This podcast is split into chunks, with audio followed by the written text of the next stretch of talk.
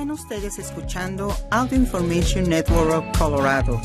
Esta grabación está destinada a ser utilizada únicamente por personas con impedimentos para leer medios impresos. Gracias por acompañarnos el día de hoy, jueves 14 de septiembre 2023, a la lectura de La Voz Colorado. Mi nombre es David Murphy. Estos son los principales artículos que leeremos hoy. Opel, anticonceptivo sin receta, disponible ya. Escrito por Ernest Grulet. PUC busca la opinión pública sobre Black Hills Colorado Plan de electrificación del transporte de Electric 2024 a 2026. Escrito por Administración. Y continuaremos con algunos artículos diversos. Comenzaremos con Opel, anticonceptivo sin receta, disponible ya. Escrito por Ernest Grulet. No ha sido el mejor momento para las mujeres estadounidenses y su capacidad para tomar decisiones personales sobre la atención médica y específicamente sobre los derechos reproductivos. El pasado 6 de junio, la Corte Suprema de los Estados Unidos anuló la histórica decisión Roe v. Wade que permitía a las mujeres ejercer, sus propias decisiones sobre el derecho al aborto. Al hacerlo, el tribunal negó medio siglo de derecho establecido. El fallo mayoritario, que no fue una sorpresa, fue acompañado por, la afirmación del juez Samalito de que la decisión del Tribunal Supremo de 1973 que permitía el aborto era atrozmente errónea y debe ser revocada.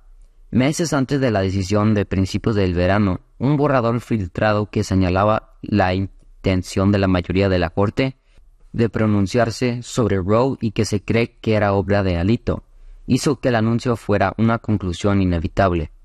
Alito ha negado haber filtrado algo y una investigación posterior sobre cómo el documento salió a la luz no ha arrojado pruebas de que fuera él quien filtró ni se ha centrado en nadie, incluidos los secretarios del Tribunal Superior que podría haber hecho público el borrador. Aún así persisten dudas sobre la, veracidad de su negación. Pero apenas una semana después de la decisión Dobbs nombra junto a la ley que anuló a Roe, la Administración de Alimentos y Medicamentos dictaminó que un, una píldora anticonceptiva hormonal aprobada OPIL podía venderse sin receta. El anuncio de la FDA del 13 de julio permitió que la píldora se vendiera en tiendas y en línea a principios del 2024.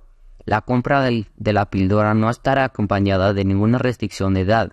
Para muchos adolescentes y mujeres, la decisión de la FDA significa que el acceso a los métodos anticonceptivos no requerirá receta médica ni seguro médico, impedimentos para muchas que no tienen médico ni seguro médico. La decisión de la FDA ha sido respaldada uniformemente por Planned Parenthood y su, presidente y director ejecutivo Alexis McGill Johnson quienes calificaron la decisión como basada en atención médica esencial. esencial. El anuncio de la FDA dijo, sigue la ciencia y elimina una barrera innecesaria para acceder a la atención médica básica. El control de la natalidad, dijo, es una parte fundamental de la protección de nuestra libertad reproductiva, especialmente ahora que los estados de todo el país continúan redoblando sus impopulares prohibiciones y restricciones al aborto. Los grupos pro vida que elogiaron la decisión de la Corte Suprema que anuló a Roe condenaron la decisión de la FDA de sancionar los métodos anticonceptivos de venta libre.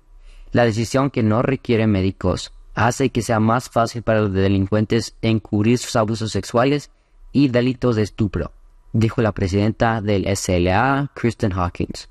A pesar de la oposición a la decisión de la FDA, una encuesta de la Kaiser Family Foundation realizada en 2022 encontró que el 77% de las mujeres de 18 a 49 años apoyaron firmemente la decisión de hacer disponible la píldora.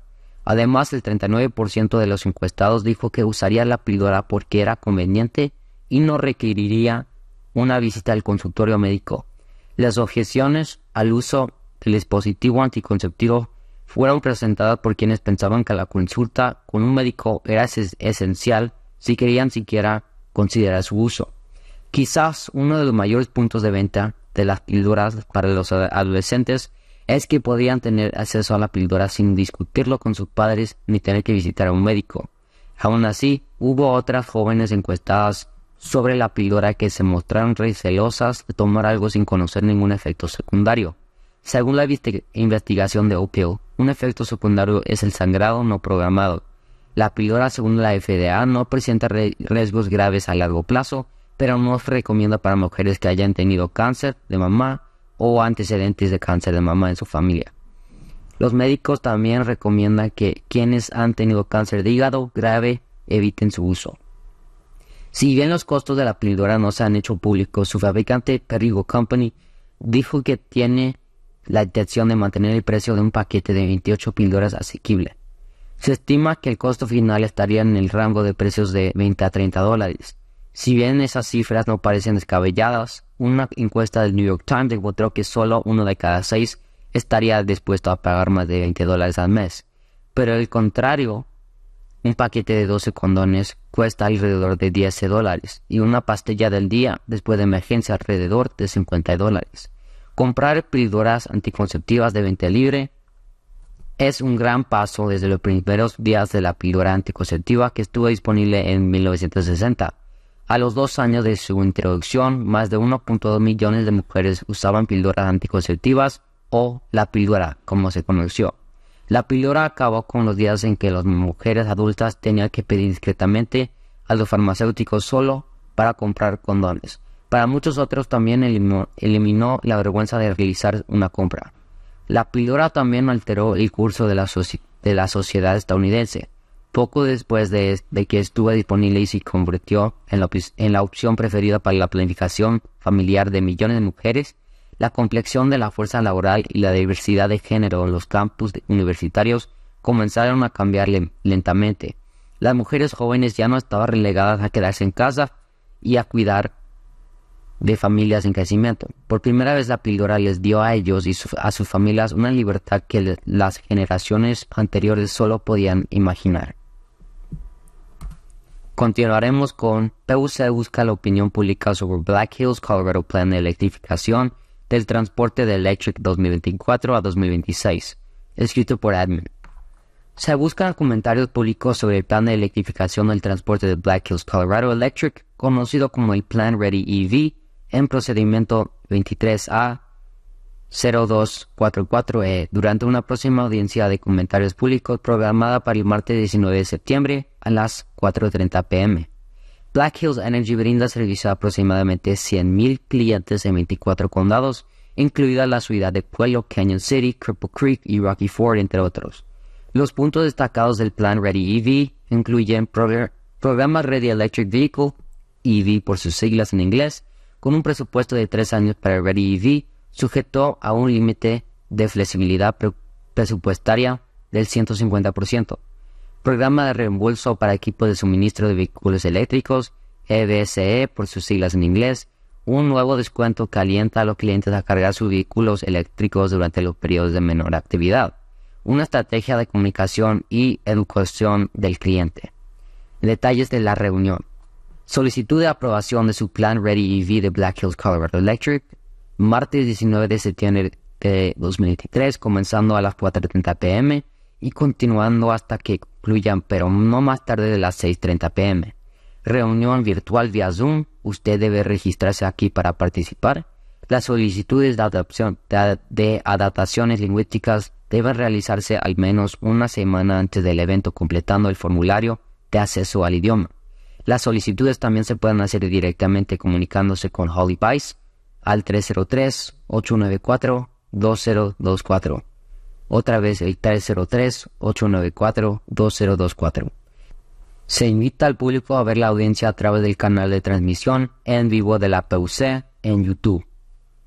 Además, los miembros del público pueden enviar comentarios por escrito a través del sistema de presentación electrónica de la comisión en https www.dorastate.co usplsfi.homepage. Seguiremos con El salvaje, salvaje y no tan salvaje oeste, escrito por Brennan Rivera. El fin de semana pasado, los fanáticos de fútbol en Colorado tuvieron la suerte de ver a cuatro equipos rivales enfrentarse a nivel universitario y profesional.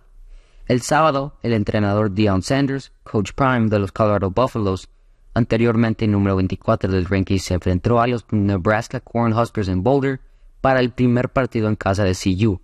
Las entradas para ese juego se dispararon después de que Coach Prime llevó a los Buffs a su primera victoria de la temporada en Dallas la semana pasada cuando derrotaron al subcampeón del campeonato nacional de la temporada pasada, Texas Christian University, TCU. Las entradas más baratas para el partido de sábado fueron más caras que las entradas para todos los partidos de la NFL de este fin de semana, lo que convirtió a Boulder en uno de los lugares más populares del fútbol esta temporada. Los Buffs y Cornhuskers estuvieron en la defensiva en el primer cuarto con una andanada de paradas. En el segundo cuarto los Buffs capitalizaron un par de pérdidas del balón que llevaron a un gol de campo y luego a un touchdown. Justo antes de la mitad, CU anotó un gol de campo de 32 yardas para tomar una ventaja de 3 a 0 de cara a la mitad. En el tercer cuarto, Nebraska redujo la ventaja a 6, pero CU respondió con un touchdown cuando quedaban poco menos de 7 minutos en el tercero para tomar una ventaja de 27 sobre Nebraska. CU agregó tres más antes del final del tercero para tomar una ventaja de 23 a 7 de cara al cuarto. Los Buffs agregaron 13 puntos más en el último cuarto para derrotar a los Nebraska Cornhuskers 36 a 14. Colorado ahora se enfrentará a los Colorado State Rams en una rivalidad estatal. El 16 de septiembre, el Rocky Mountain Showdown, una tradición que ha sido fuerte en Colorado durante décadas. Los Buffs son favoritos de cara al partido del sábado, que se ha convertido en un partido de, horario estelar prácticamente de la noche a la mañana. La verdad es que todos en el país están intrigados por el cambio de Coach Prime en el programa de fútbol americano de CU, que instantáneamente ha convertido a los Buffs en favoritos a nivel nacional. Si bien los Buffs han marcado la pauta para el fútbol emocionante en Colorado, los Denver Broncos se convirtieron en el equipo antidivertido del estado. El domingo los Denver Broncos recibieron a los Raiders de Las Vegas para el primer partido de la temporada en casa y aunque el entrenador Prime abrazó la, la larga rivalidad escolar que Colorado compartió con Nebraska durante décadas, parecía que el nuevo entrenador en jefe de los Broncos, Sean Payton, adoptó un enfoque muy diferente al restarle importancia a la, rivalidad entre los Broncos y los Raiders. Su sentimiento se derramó en el campo cuando los Broncos carecieron de emoción más que el intento fallido del entrenador Payton que inició el juego. Esa decisión en particular marcó el tono del juego y aunque los Broncos lideraban en la mitad, su incapacidad para anotar en la segunda mitad resultó en una derrota. En casa ante los Las Vegas Raiders 17 a 16. La próxima semana los Broncos estarán en casa para recibir a los Washington Commanders que derrotaron a los Arizona Cardinals el domingo 20, 20 a 16. Ahora continuaremos con Colorado City, fácil de perder, imposible de olvidar escrito por Ernest Gourlet. El viaje hacia el sur desde Pueblo da una pista no tan sutil porque Colorado tiene fama de pura belleza. Hacia el este se ve el primer tramo de las grandes llanuras, una vasta extensión de tierra mayormente plana, interrumpida solo por ondulaciones periódicas que solo y generosamente pueden llamarse colinas. Aún así, hay una belleza tranquila en estas llanuras. Tienen una belleza ruda en sí mismos. Al oeste hay un sorprendente contraste geográfico. Lo que ves son las montañas húmedas, cuya joya es la montaña Greenhorn, un pico que dependiendo de la luz del sol parece tener una belleza cameleónica, cameleónica única y en constante cambio. Al salir de la interestatal, la primera ciudad que encontrará es Colorado City. Pero tienes que tener cuidado. No hay carteles que digan ahora estás entrando en Colorado City. Aún así los, pierdes y vas demasiado lejos. El viaje es una excursión encantadora y puedes terminar en la cercana aldea de Rye, que a diferencia de Colorado Ciudad, es un metrópolis bulliciosa. Pero eso está bien para la gente de Colorado City. Aprecian la tranquilidad. Es una de las razones por las que lo llaman hogar. No somos el tipo de lugar turístico, dijo James Etcher, gerente de distrito a la ciudad de Colorado. Por supuesto, es tu tipo de lugar añadido si disfrutas del aire libre, golf, acampar y pescar. La ciudad tiene un campo de golf de campeonato que, según Escher, ofrece ofertas especiales los martes y jueves. También hay un lago de buen tamaño dentro de sus límites y por supuesto, si lo que le gusta es acampar y pescar, no está muy lejos. Colorado City es una escapada fácil, que se encuentra a menos de 20 millas de pueblo, el lugar donde la mayoría de, sus residentes van de compras, visitan al médico y disfrutan de todas las comunidades de una ciudad. Así los quieren, así lo quieren los 2.200 residentes, afirmó Eschers. Por supuesto, si las cosas hubieran salido según lo planeado, un plan ideado allá por mediados del siglo XX no sería el lugar que es hoy. Cuando se concibió Colorado City por primera vez, dijo Eschers, los planeadores lo vieron como una comunidad de jubilados. Se vendieron lotes en el este para que la gente se mudara a Colorado y se jubilara. El plan era fantástico en teoría, pero la teoría y la realidad a menudo no se cruzan. Además, no ayudó cuando el planeador murió. Su sueño y su muerte fueron seguidos por una quiebra. Si la teoría y la realidad se hubieran fusionado, los compradores habrían quedado con muchos o incluso todos los 16.000 lotes de área. Algunos van desde un quinto de acre hasta otras mucho más, muchas veces ese tamaño. El planeador, por razones que hoy se desconocen, también omitió dos elementos clave de su visión. El 80%, el 80 o más de los lotes no tienen acceso a agua ni alcantarillado, dijo Eschers. Pero al, analizar el panorama, parece que el sueño fallido de los planeadores en realidad funcionó bien. El espacio abierto es abundante y las vistas majestuosas no tienen obstáculos. Y para aquellos que aceptaron su sueño de hace mucho tiempo, de vivir al pie de las montañas rocosas, muchos de los cuales estaban dispersos por todo el país, incluso alrededor del mundo, no parece haber ningún recuerdo de su decepción. Aún así, la ciudad está creciendo, pero lentamente, Hemos crecido en los últimos cuatro años, afirma el afable Etchers. Desde que el principal administrador de la cadena alimentaria de la ciudad, el crecimiento ha sido a un ritmo de 25 a 30 casas al año. Si bien Colorado City sigue siendo una sombra de lo que un desarrollador de hace mucho tiempo imaginó cuando comenzó a vender lotes, eso no molesta a los 2.200 residentes que hoy la consideran su hogar. Esto Está lo suficientemente cerca del pueblo como para escapar de la vida de la ciudad, pero no tan lejos como para que un viaje de 20 minutos no pueda resolver el desafío de visitar a un médico, ver una película o hacer lo que sea necesario en el cercano pueblo. Por cierto, el corto viaje a este pueblo es algo habitual para muchas personas que viajan a la ciudad para trabajar. Para los historiadores, el área donde ahora se encuentra Colorado City tiene un legado fascinante y agridulce. La tierra fue explorada, una vez por españoles que llegaron desde Nuevo México y participaron en conflictos regulares y sangrientos con los comanches, los ocupantes originales de la tierra. No es de extrañar que, como ocurre en tantos lugares, hoy en día quedan pocos rastros de los comanches. Por cierto, Green Mountain originalmente se conocía como Cuerno Verde, un legado más de los españoles y del líder de la expedición, Juan Bautista de Anza. Permaneció así, hasta principios del siglo XX, cuando la montaña pasó a llamarse. El, 4 de abril, el 4 de abril de 1906, la Junta de Nombres Geográficos de Estados Unidos decidió utilizar la, denominación americanizada. Si viaja por la I-25 al sur del pueblo y se pregunta al respecto, la joya fácilmente identificable de esta cordillera se eleva a una altura de dos 12.352 pies.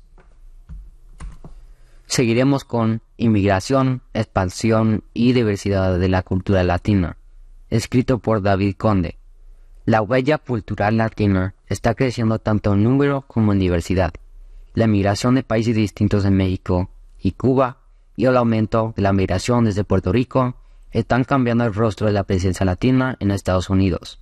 La inspiración original para la celebración de la cultura latina se remonta a la apropiación de días festivos mexicanos como el 16 de septiembre, Día de la Independencia y el 5 de mayo. Más que eso, el 5 de mayo se convirtió en una conmemoración que expresaba la esencia misma del mensaje chicano al país. Las celebraciones culturales latinas en la segunda mitad del siglo XX representaron en gran medida esfuerzos por establecer una presencia en la escena nacional. era importante que la comunidad ya no fuera la minoría olvidada. El movimiento chicano pudo lograr esa presencia movilizando a sus líderes para resaltar la historia de la tierra en Estados Unidos y su pérdida, la falta de justicia y educación, especialmente cuando se, cuando se trataba de los jóvenes, y el descuento del trabajo agrícola, un elemento básico, industria para la comunidad latina. Al mismo tiempo, los esfuerzos del movimiento por curar el sentimiento del desplazamiento interno, la identidad individual confusa y la autoimagen distorsionada no tuvieron tanto éxito. Sin embargo, la llegada de grandes oleadas de inmigrantes mexicanos ayudó a llenar áreas donde el movimiento chicano se quedó corto. No solo le recordaron sus raíces a la comunidad latina del sureste, sino que también trajeron un saludable sentido de identidad, orígenes nacionales y tradiciones que muchos estadounidenses de ascendencia mexicana habían perdido. La sensación resultante de un ser cultural más completo sentó, sentó una base firme para una participación seria, seria en los asuntos sociales y políticos del país. La autenticidad, la autenticidad cultural, proyectada por los inmigrantes mexicanos, se convirtió en la base de la visión de una descendencia con una imagen y una herencia latina renovadas. Desde entonces, los sentimientos de los inmigrantes se han vuelto predominantes al definir a la comunidad latina.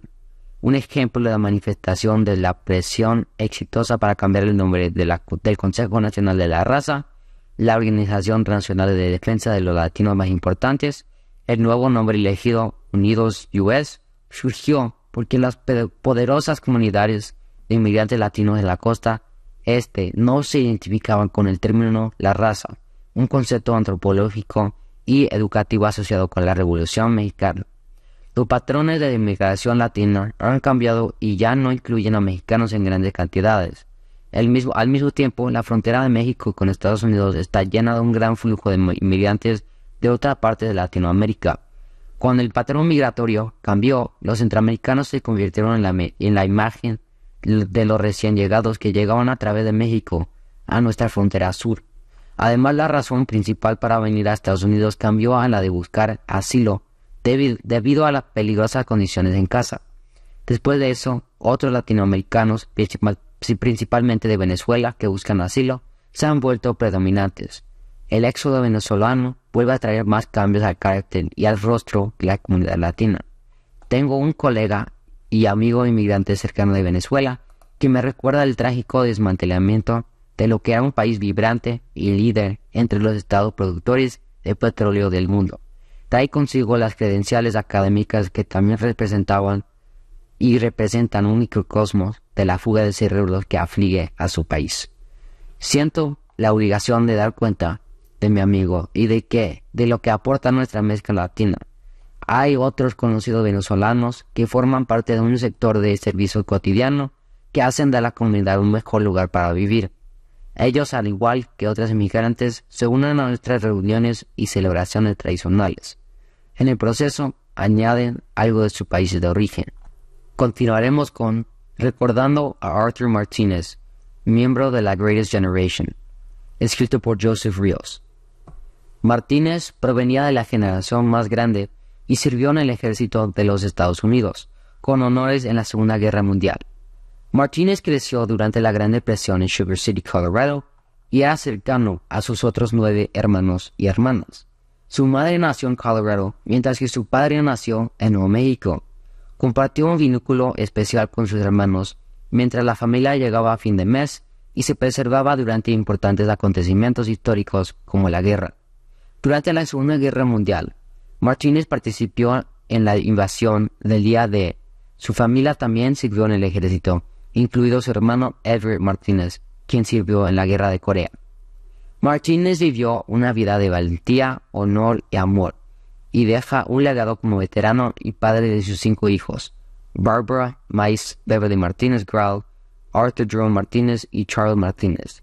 El veterano del ejército de Estados Unidos falleció en su casa el 18 de agosto, mientras era atendido por su familia. Martínez, que falleció a la edad de, 99 años, vivió de forma independiente hasta el final de su vida. Se graduó como el mejor estudiante de su clase preparatoria en Sugar City High School antes de asistir a la Universidad de Denver donde se graduó con un título en contabilidad. Martínez trabajó como auditor para el ejército de los Estados Unidos y viajó por todo el mundo por su trabajo, incluso en Corea y partes de los Estados Unidos. La educación era un pilar en la familia Martínez y todos los hijos de Martínez fueron a la universidad, dijo Grau. Creo que la familia Martínez creció con un sentido real de lo importante que es la educación.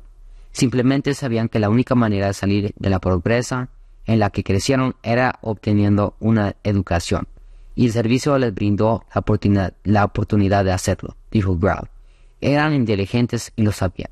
Sabían que tenían buen cerebro una de las actividades favoritas de Martínez era viajar a Twin Lakes, donde él y sus hijos construyeron una cabaña a la que iría casi todos los fines de, semana después de jubilarse. Mientras estuvo en Twin Lakes, Martínez disfrutó pescar y pasar tiempo con su familia. Hasta una semana y media antes de, de su fallecimiento, Martínez todavía, vivía la vida como un adulto activo. Tenía conocimiento de informática y Grau lo describió como muy leído. Era extremadamente disciplinado y muy bien estructurado. Creo que por eso vivió tanto, dijo Grau. Era extremadamente estricto, pero extremadamente justo. Dio mucho a sus hijos, pero también esperaba mucho de ellos. Realmente era un hombre especial, muy especial. Fue uno de los últimos de la gran generación y lo extrañamos, agregó Grau. Ojalá lo tuviéramos por más tiempo. Gracias por acompañarnos en esta edición de La Voz Colorado. Mi nombre es David Murphy. La programación regular de este podcast no está disponible en este momento. Esperamos que disfrute de esta transmisión especial de AINC. Gracias por acompañarnos el día de hoy, miércoles 19 de septiembre de 2023, a la lectura de Telemundo Denver. Mi nombre es Janet Beatty. Esos son los principales artículos que leeremos hoy. ¿No sabes cómo registrarte para votar? Aclara esta y otras dudas hoy en el banco de llamadas por Telemundo Digital. Biden señala en la ONU que ningún país estará seguro si Ucrania pierde la guerra por IFI. Trabajadores automotrices en Estados Unidos se mantienen en huelga sin señales de avanzar por Associated Press. Llegan al país cinco estadounidenses liberados en un intercambio de prisioneros con Irán por IFI y Telemundo Digital. Y continuaremos con algunos artículos diversos. ¿No sabes cómo registrarte para votar? Aclara esta y otras dudas hoy en el banco de llamadas. Telemundo se une a Hispanic Federation este martes 19 de septiembre para responder tus dudas o preguntas por Telemundo Digital. Millones de estadounidenses se aprestan a votar en las elecciones internas que elegirán a los candidatos a la presidencia en los comicios del 2024 y Telemundo junto con Hispanic Federation tendrán un banco de llamadas para responder tus preguntas sobre cómo registrarse para votar el martes 19 de septiembre. El requisito clave para votar en Estados Unidos es estar registrado para hacerlo, además de ser ciudadano estadounidense por nacimiento o naturalización. Registrarse para votar es una de las claves del sistema democrático de Estados Unidos que le da voz y participación al votante. Por esta razón, en el Día Nacional del Registro para Votar, Telemundo se une con Hispanic Federation para responder preguntas de usuarios y televidentes sobre el proceso para registrarse para votar. El banco de llamadas es este martes 19 de septiembre desde las 11 de la mañana hasta las 10 de la tarde, hora del este 8 de la mañana hasta las 7 de la tarde, hora del Pacífico. Las personas interesadas podrán llamar al 866-432-9832 en donde serán atendidos por operadores bilingües en inglés y español. Quienes llamen podrán preguntar sobre la elegibilidad para registrarse para votar, cuál es la fecha límite para hacerlo, dónde pueden registrarse, cuál es mi estado de votante y si debo actualizar mi registro para votar si me mudo. El número otra vez es 866-432-9832. Biden señala en la ONU que ningún país estará seguro si Ucrania pierde la guerra. Biden utilizó su discurso de este martes para presentar argumentos sólidos para que los líderes sigan respaldando los esfuerzos de Ucrania para repeler una invasión rusa de casi 19 meses que no tiene un final a la vista. Por IFI. Naciones Unidas. El presidente de Estados Unidos, Joe Biden, señaló este martes ante la Asamblea General de la ONU que ningún país tendrá asegurada su independencia si Ucrania pierde la guerra por la invasión rusa.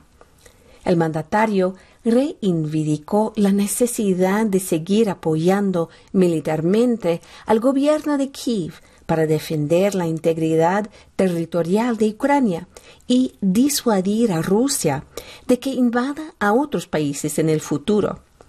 Si abandamos los principios básicos de la Carta de Naciones Unidas, ¿podrá algún Estado miembro sentirse seguro? Si permitimos que Ucrania sea dividida, ¿estará asegurada la independencia de alguna nación? La respuesta es no, advirtió. Trabajadores automotrices en Estados Unidos se mantienen en huelga sin señales de avanzar. El presidente de la UAW, Sean Fain, dijo el lunes que el gobierno de Biden no negociará un acuerdo. Por Associated Press. La huelga de los trabajadores automotrices contra los tres grandes fabricantes de Detroit entró en su cuarto día el lunes sin señales de avances y ante la amenaza de que el paro se extienda. La secretaria del Tesoro de Estados Unidos, Janet Yellen, dijo que espera una resolución rápida y que es demasiado pronto para evaluar el impacto de la huelga. Es prematuro hacer pronósticos sobre lo que significará para la economía. Dependerá de cuánto dure la huelga y quiénes se vean afectados, dijo en CNBC. Yellen declaró que el activismo laboral de este año, huelgas de escritores y actores de Hollywood, de trabajadores en unos 150 locales de Starbucks y huelgas que se evitaron por poco en United Parcel Service, y en los puertos de la costa oeste ha sido impulsado por un mercado laboral fuerte y una alta demanda de trabajadores. En una señal del potencial económico y político de una huelga prolongada, el presidente Joe Biden enviará a dos altos funcionarios de su gobierno a Detroit esta semana para reunirse con ambas partes. Biden se puso del lado del sindicato United Auto Workers, UAW, en breves comentarios públicos, diciendo que los fabricantes de automóviles no han compartido de manera justa sus ganancias récord con los trabajadores. Un funcionario federal dijo el lunes que la secretaria interina del Trabajo, Julie Sue, y su principal asesor, Gene Sperling, no actuarán como mediadores sino que irán a Detroit para ayudar a apoyar las negociaciones de cualquier forma que las partes consideren constructivo. El funcionario no estaba autorizado a hablar del tema y habló de forma anónima. El presidente del UAW, Sean Fain, dijo el lunes que el gobierno de Biden no negociará un acuerdo. Esta es nuestra batalla, Nuestros miembros están allí a cargo de las protestas, dijo Fain en MSNBC. Esta batalla no se trata del presidente ni se trata del expresidente. En lugar de lanzar una huelga total con sus 146 mil miembros, el sindicato optó por concentrarse en tres fábricas, una en cada automotriz, un plan que podría hacer que el fondo de huelga de 825 millones de dólares del sindicato dure más.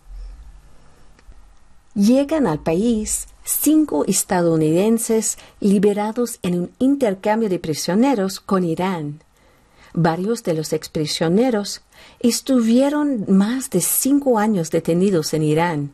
El acuerdo ha sido criticado por un sector republicano, por IAFI y Telemundo Digital.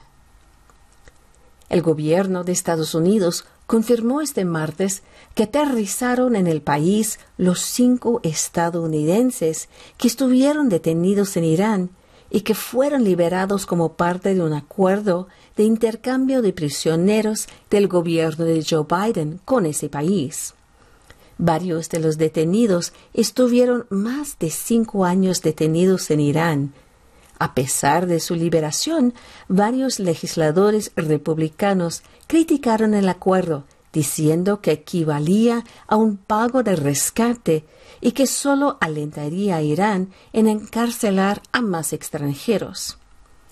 Como primer paso en el intercambio de prisioneros, los cinco estadounidenses fueron puestos bajo arresto domiciliario el 10 de agosto y su liberación estaba condicionada a la transferencia de los 5 mil millones de dólares en ingresos petroleros congelados de Corea del Sur al Banco Central de Qatar el uso de los fondos liberados por parte de Irán será supervisado por Qatar y restringido a la compra de alimentos, medicinas u otros artículos con fines humanitarios, según lo permitido por las sanciones estadounidenses.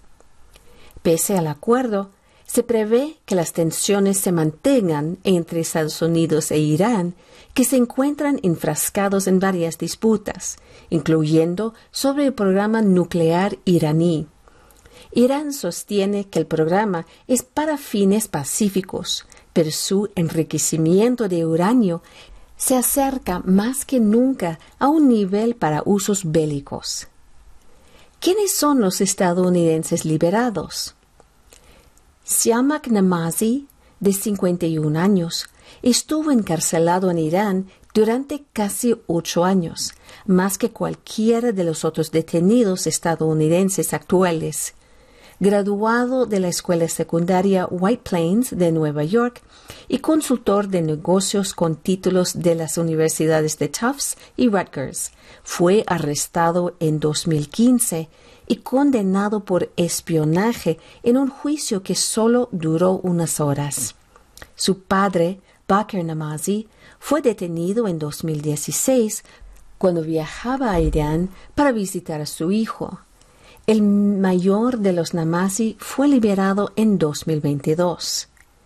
Imad Shargi, de 59 años, un empresario nacido en Irán de Washington, D.C., que se mudó a Estados Unidos cuando era joven, fue arrestado en abril de 2018. Fue puesto en libertad bajo fianza y absuelto de todos los cargos en diciembre de 2019, pero las autoridades iraníes se negaron a devolverle el pasaporte. Fue acusado nuevamente en 2020 y declarado culpable de espionaje sin juicio. Morad Tabas, de 67 años, un iraní estadounidense que también tiene ciudadanía británica, fue arrestado en enero de 2018 y condenado por espionaje en 2019.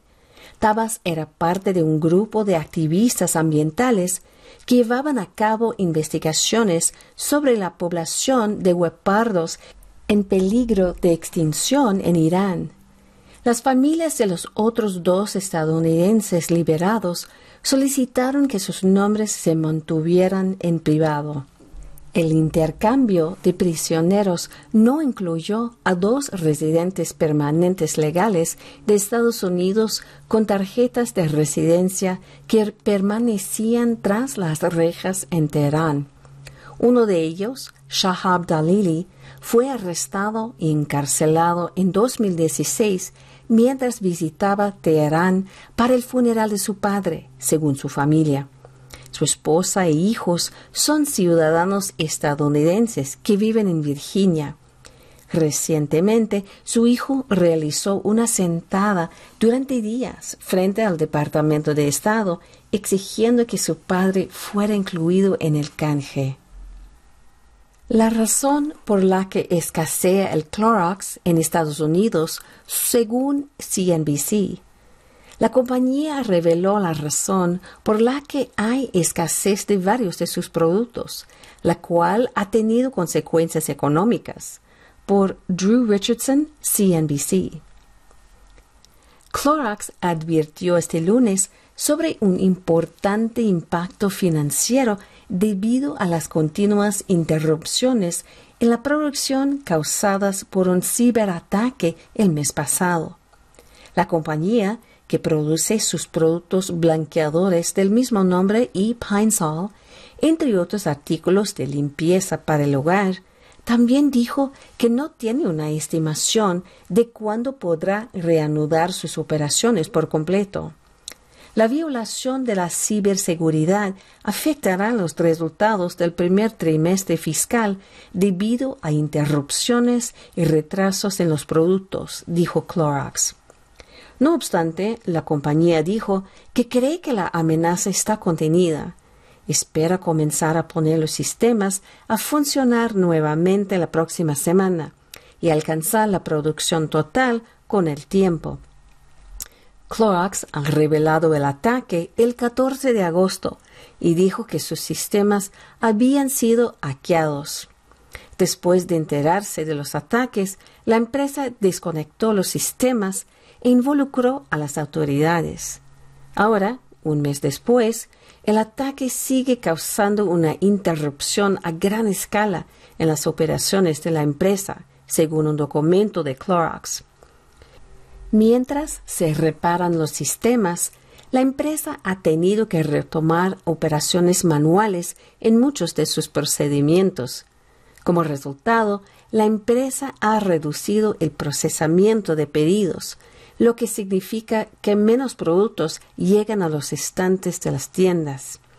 El hackeo a los sistemas de Clorox se produce cuando las empresas de casinos de Las Vegas, MGM y Caesars, se enfrentan a sus propios ataques cibernéticos. MGM también advirtió sobre un posible impacto en sus finanzas. Las acciones de Clorox cotizaron aproximadamente un 1% menos el lunes. Trump se reunirá con trabajadores automotrices en huelga. No asistirá a debate republicano. El exmandatario acusa al presidente Biden de tratar de destruir a la industria automotriz al impulsar el uso de vehículos eléctricos. Por Meg Kinnard, AP. El expresidente Donald Trump viajará la próxima semana a Michigan, un estado sin clara preferencia política, para reunirse con trabajadores automotrices en huelga en lugar de participar en el segundo debate presidencial del Partido Republicano, informó el lunes una persona al tanto de sus planes. Trump, que tampoco participó en el primer debate el mes pasado, indicó que ya está enfocado en los comicios de 2024 contra el presidente Joe Biden, al gozar de una amplia ventaja sobre sus rivales republicanos en los sondeos de cara a las primarias.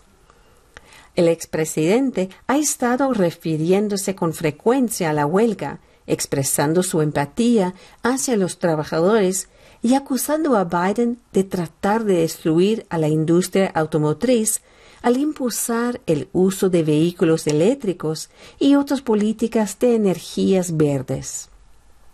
El viaje del próximo 27 de septiembre, el cual fue reportado en primera instancia por The New York Times, también incluirá un discurso en horario estelar, según la persona al tanto de los planes, quien habló con The Associated Press bajo condición de anonimato antes de que el viaje se haga público. Esa es la fecha en la que los otros aspirantes republicanos se reunirán en la Biblioteca Presidencial Ronald Reagan en Simi Valley, California, para el segundo debate del partido. Cuando los demás aspirantes republicanos se reunieron el mes pasado en Milwaukee, Trump participó en una entrevista con Tucker Carlson que fue grabada con anterioridad y se transmitió en X, la plataforma de redes sociales conocida anteriormente como Twitter, durante la primera hora del debate.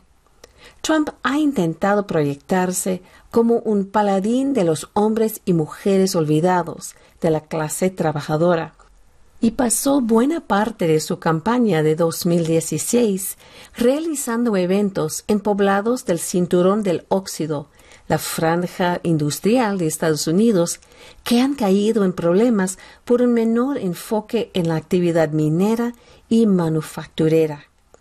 Hace unos meses, Trump visitó East Palestine, Ohio, después de que un tren se descarriló cerca del lugar, un viaje que sus colaboradores han considerado como un momento clave de su campaña, mientras trataba de recuperarse de las derrotas en los comicios de mitad de mandato y mientras trataban de dejar atrás su derrota en 2020. Amar Musa, un portavoz de la campaña de Biden, dijo el lunes Donald Trump irá a Michigan la próxima semana para mentirles a los trabajadores y pretender que no pasó toda su fallida presidencia vendiéndolos a cada oportunidad. En lugar de defender a los trabajadores, Trump redujo impuestos para los supermillonarios mientras que las compañías automotrices cerraban sus puertas y enviaban empleos estadounidenses al extranjero. El lunes, el sindicato United Auto Workers y los tres grandes fabricantes de automóviles de Detroit reanudaron las conversaciones dirigidas a poner fin a una huelga que ya lleva cuatro días. Stellantis calificó las conversaciones de constructivas. Un portavoz de General Motors dijo que los representantes de la empresa y de la UAW seguían negociando. Matan a asesino en serie de ancianas en una prisión de Texas. El hombre cumplía una cadena perpetua luego de haber sido declarado culpable del asesinato de dos ancianas por Carmen Rodríguez. Texas. La oficina del fiscal del condado Dallas confirmó la muerte del asesino en serie Billy Chemermere.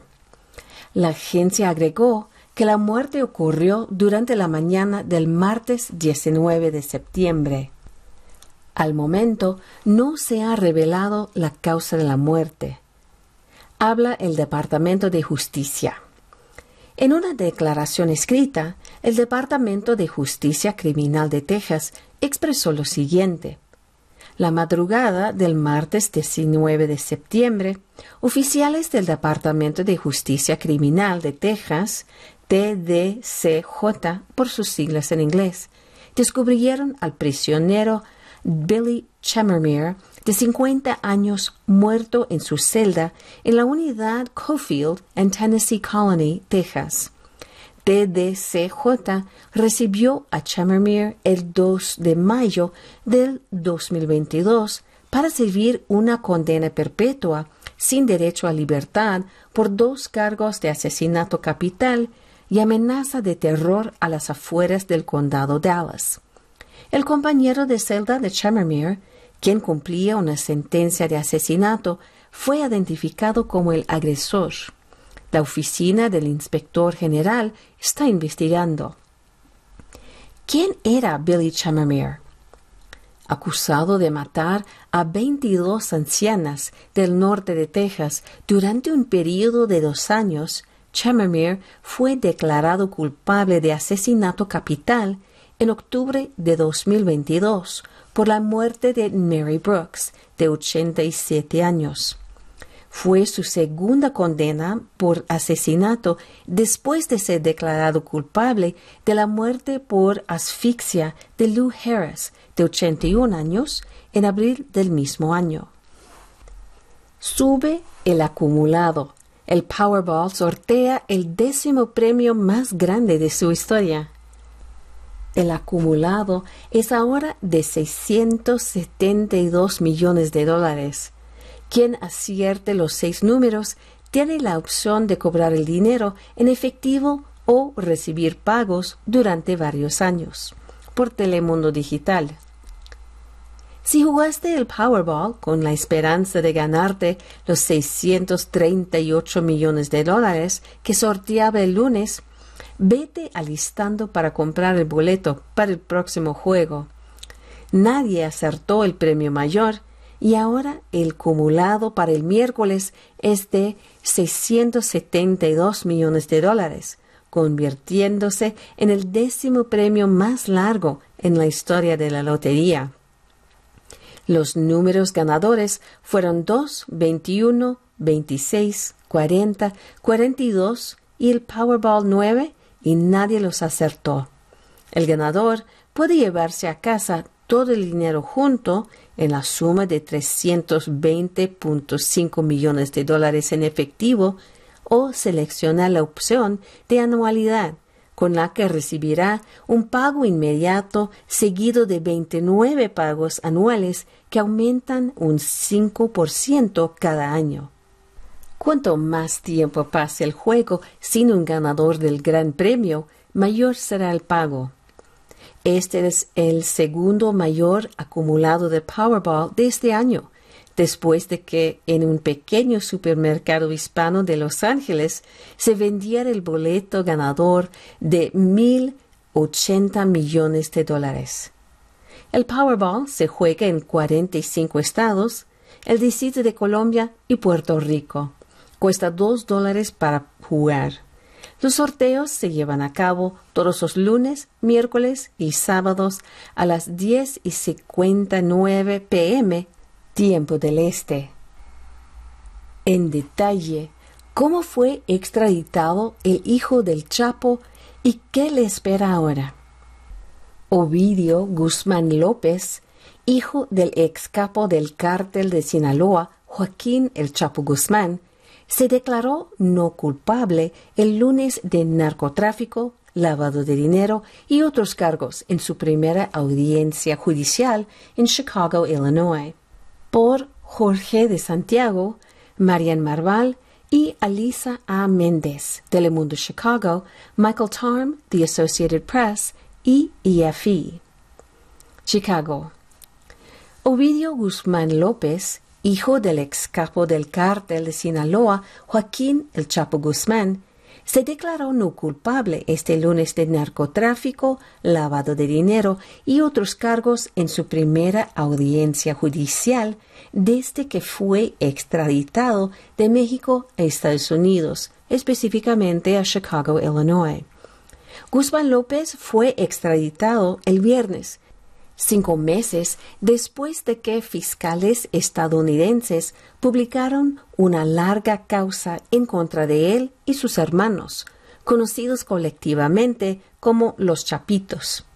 El expediente detalla cómo ellos, tras la extradición y cadena perpetua de su padre en 2019, guiaron el cártel para inclusionarse en drogas sintéticas como la metanfetamina y el fentanilo. La extradición viene también a dos días de la liberación de Emma Coronel, la esposa del Chapo Guzmán, luego de cumplir parte de su condena de tres años en una prisión federal de Estados Unidos por narcotráfico, según confirmó la Agencia Federal de Prisiones.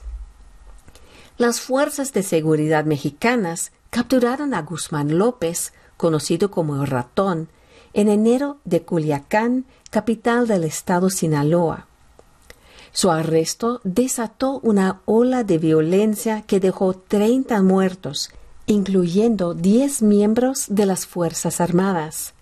El ejército de México usó helicópteros Black Hawk contra las ametralladoras calibre 50 que el cartel montó en camiones. Los pistoleros del cártel impactaron dos aeronaves militares obligándolas a aterrizar y la violencia se extendió al aeropuerto de la ciudad, donde resultaron impactadas aeronaves civiles y militares. Tres años antes, el gobierno mexicano intentó capturarlo, pero abortó el operativo ante una violencia similar. La causa contra los hermanos, difundida en abril, dice que tenían como objetivo producir grandes cantidades de fentanilo y venderlas al menor precio posible. Los hermanos, en una carta, negaron las acusaciones. Los hijos de Joaquín Guzmán Loera, a quienes ahora en un afán publicitario nos dominan los chapitos, jamás hemos producido, maquilado o comercializado fentanilo ni ningún de sus derivados, dice la misiva. Somos víctimas de una persecución y nos convirtieron en chivo expiatorio. La asesora de Seguridad Nacional, Liz Sherwood Randall, dijo el viernes en una declaración que la extradición de Guzmán López es un testamento a la importancia que tiene la continua cooperación entre los gobiernos de Estados Unidos y México para luchar contra las drogas y otros desafíos vitales. Sherwood Randall realizó múltiples visitas a México este año para reunirse con el presidente Andrés Manuel López Obrador, siendo la más reciente el mes pasado. López Obrador ha insistido en que su país es solo un punto de tránsito para ingredientes del fentanilo procedentes de China y con destino a los Estados Unidos, pese a aseveraciones de Estados Unidos y de su propio ejército de que se producen en México. A continuación, te contamos todo lo que se sabe sobre la extradición de Guzmán López a Estados Unidos. ¿Cuáles son los cargos que enfrenta Ovidio Guzmán? A Guzmán López se le imputan cargos de tráfico, lavado de dinero y otros cargos relacionados por el presunto liderazgo del cártel de Sinaloa y participación en una de las operaciones más grandes y violentas de tráfico de fentanilo en el mundo. Además del fentanilo, se le acusa de traficar cocaína, heroína, metanfetamina y marihuana, así de como de lavado de dinero.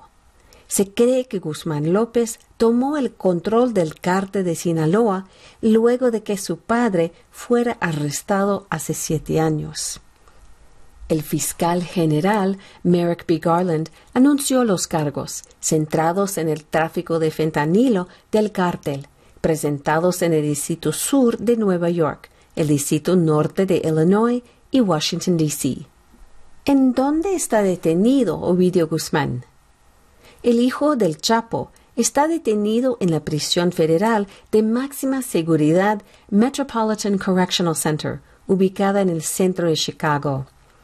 El edificio de 26 pisos alberga principalmente a detenidos en prisión preventiva y en espera de sentencia, según explica su página electrónica. Entre los detenidos que destacan en esta prisión de máxima seguridad figuran miembros del cártel de Sinaloa como Alfredo Vázquez Hernández y Tomás Arrévalo Rentería. Cabe también mencionar que esta fue la misma cárcel donde Vicente, el Vicentillo, Zambada Niebla, hijo de Ismael el Mayo Zambada, fue recluido a llegar a Estados Unidos. ¿Quién representa a Ovidio Guzmán? Ovidio Guzmán López estará representado en la Corte Federal por el abogado Jeffrey Lichtman, quien previamente defendió a su padre, el Chapo, en un caso que atrajo la atención mundial. Opiniones sobre la extradición de Ovidio Guzmán. La extradición de Ovidio Guzmán ocurrió el viernes por la noche. Desde entonces, funcionarios relacionados al gobierno de Estados Unidos se han pronunciado al respecto el Departamento de Justicia emitió un comunicado en el que destacan la cooperación policial entre México y Estados Unidos para acordarse la extradición. La lucha contra los cárteles ha implicado un valor increíble por parte de las fuerzas del orden de Estados Unidos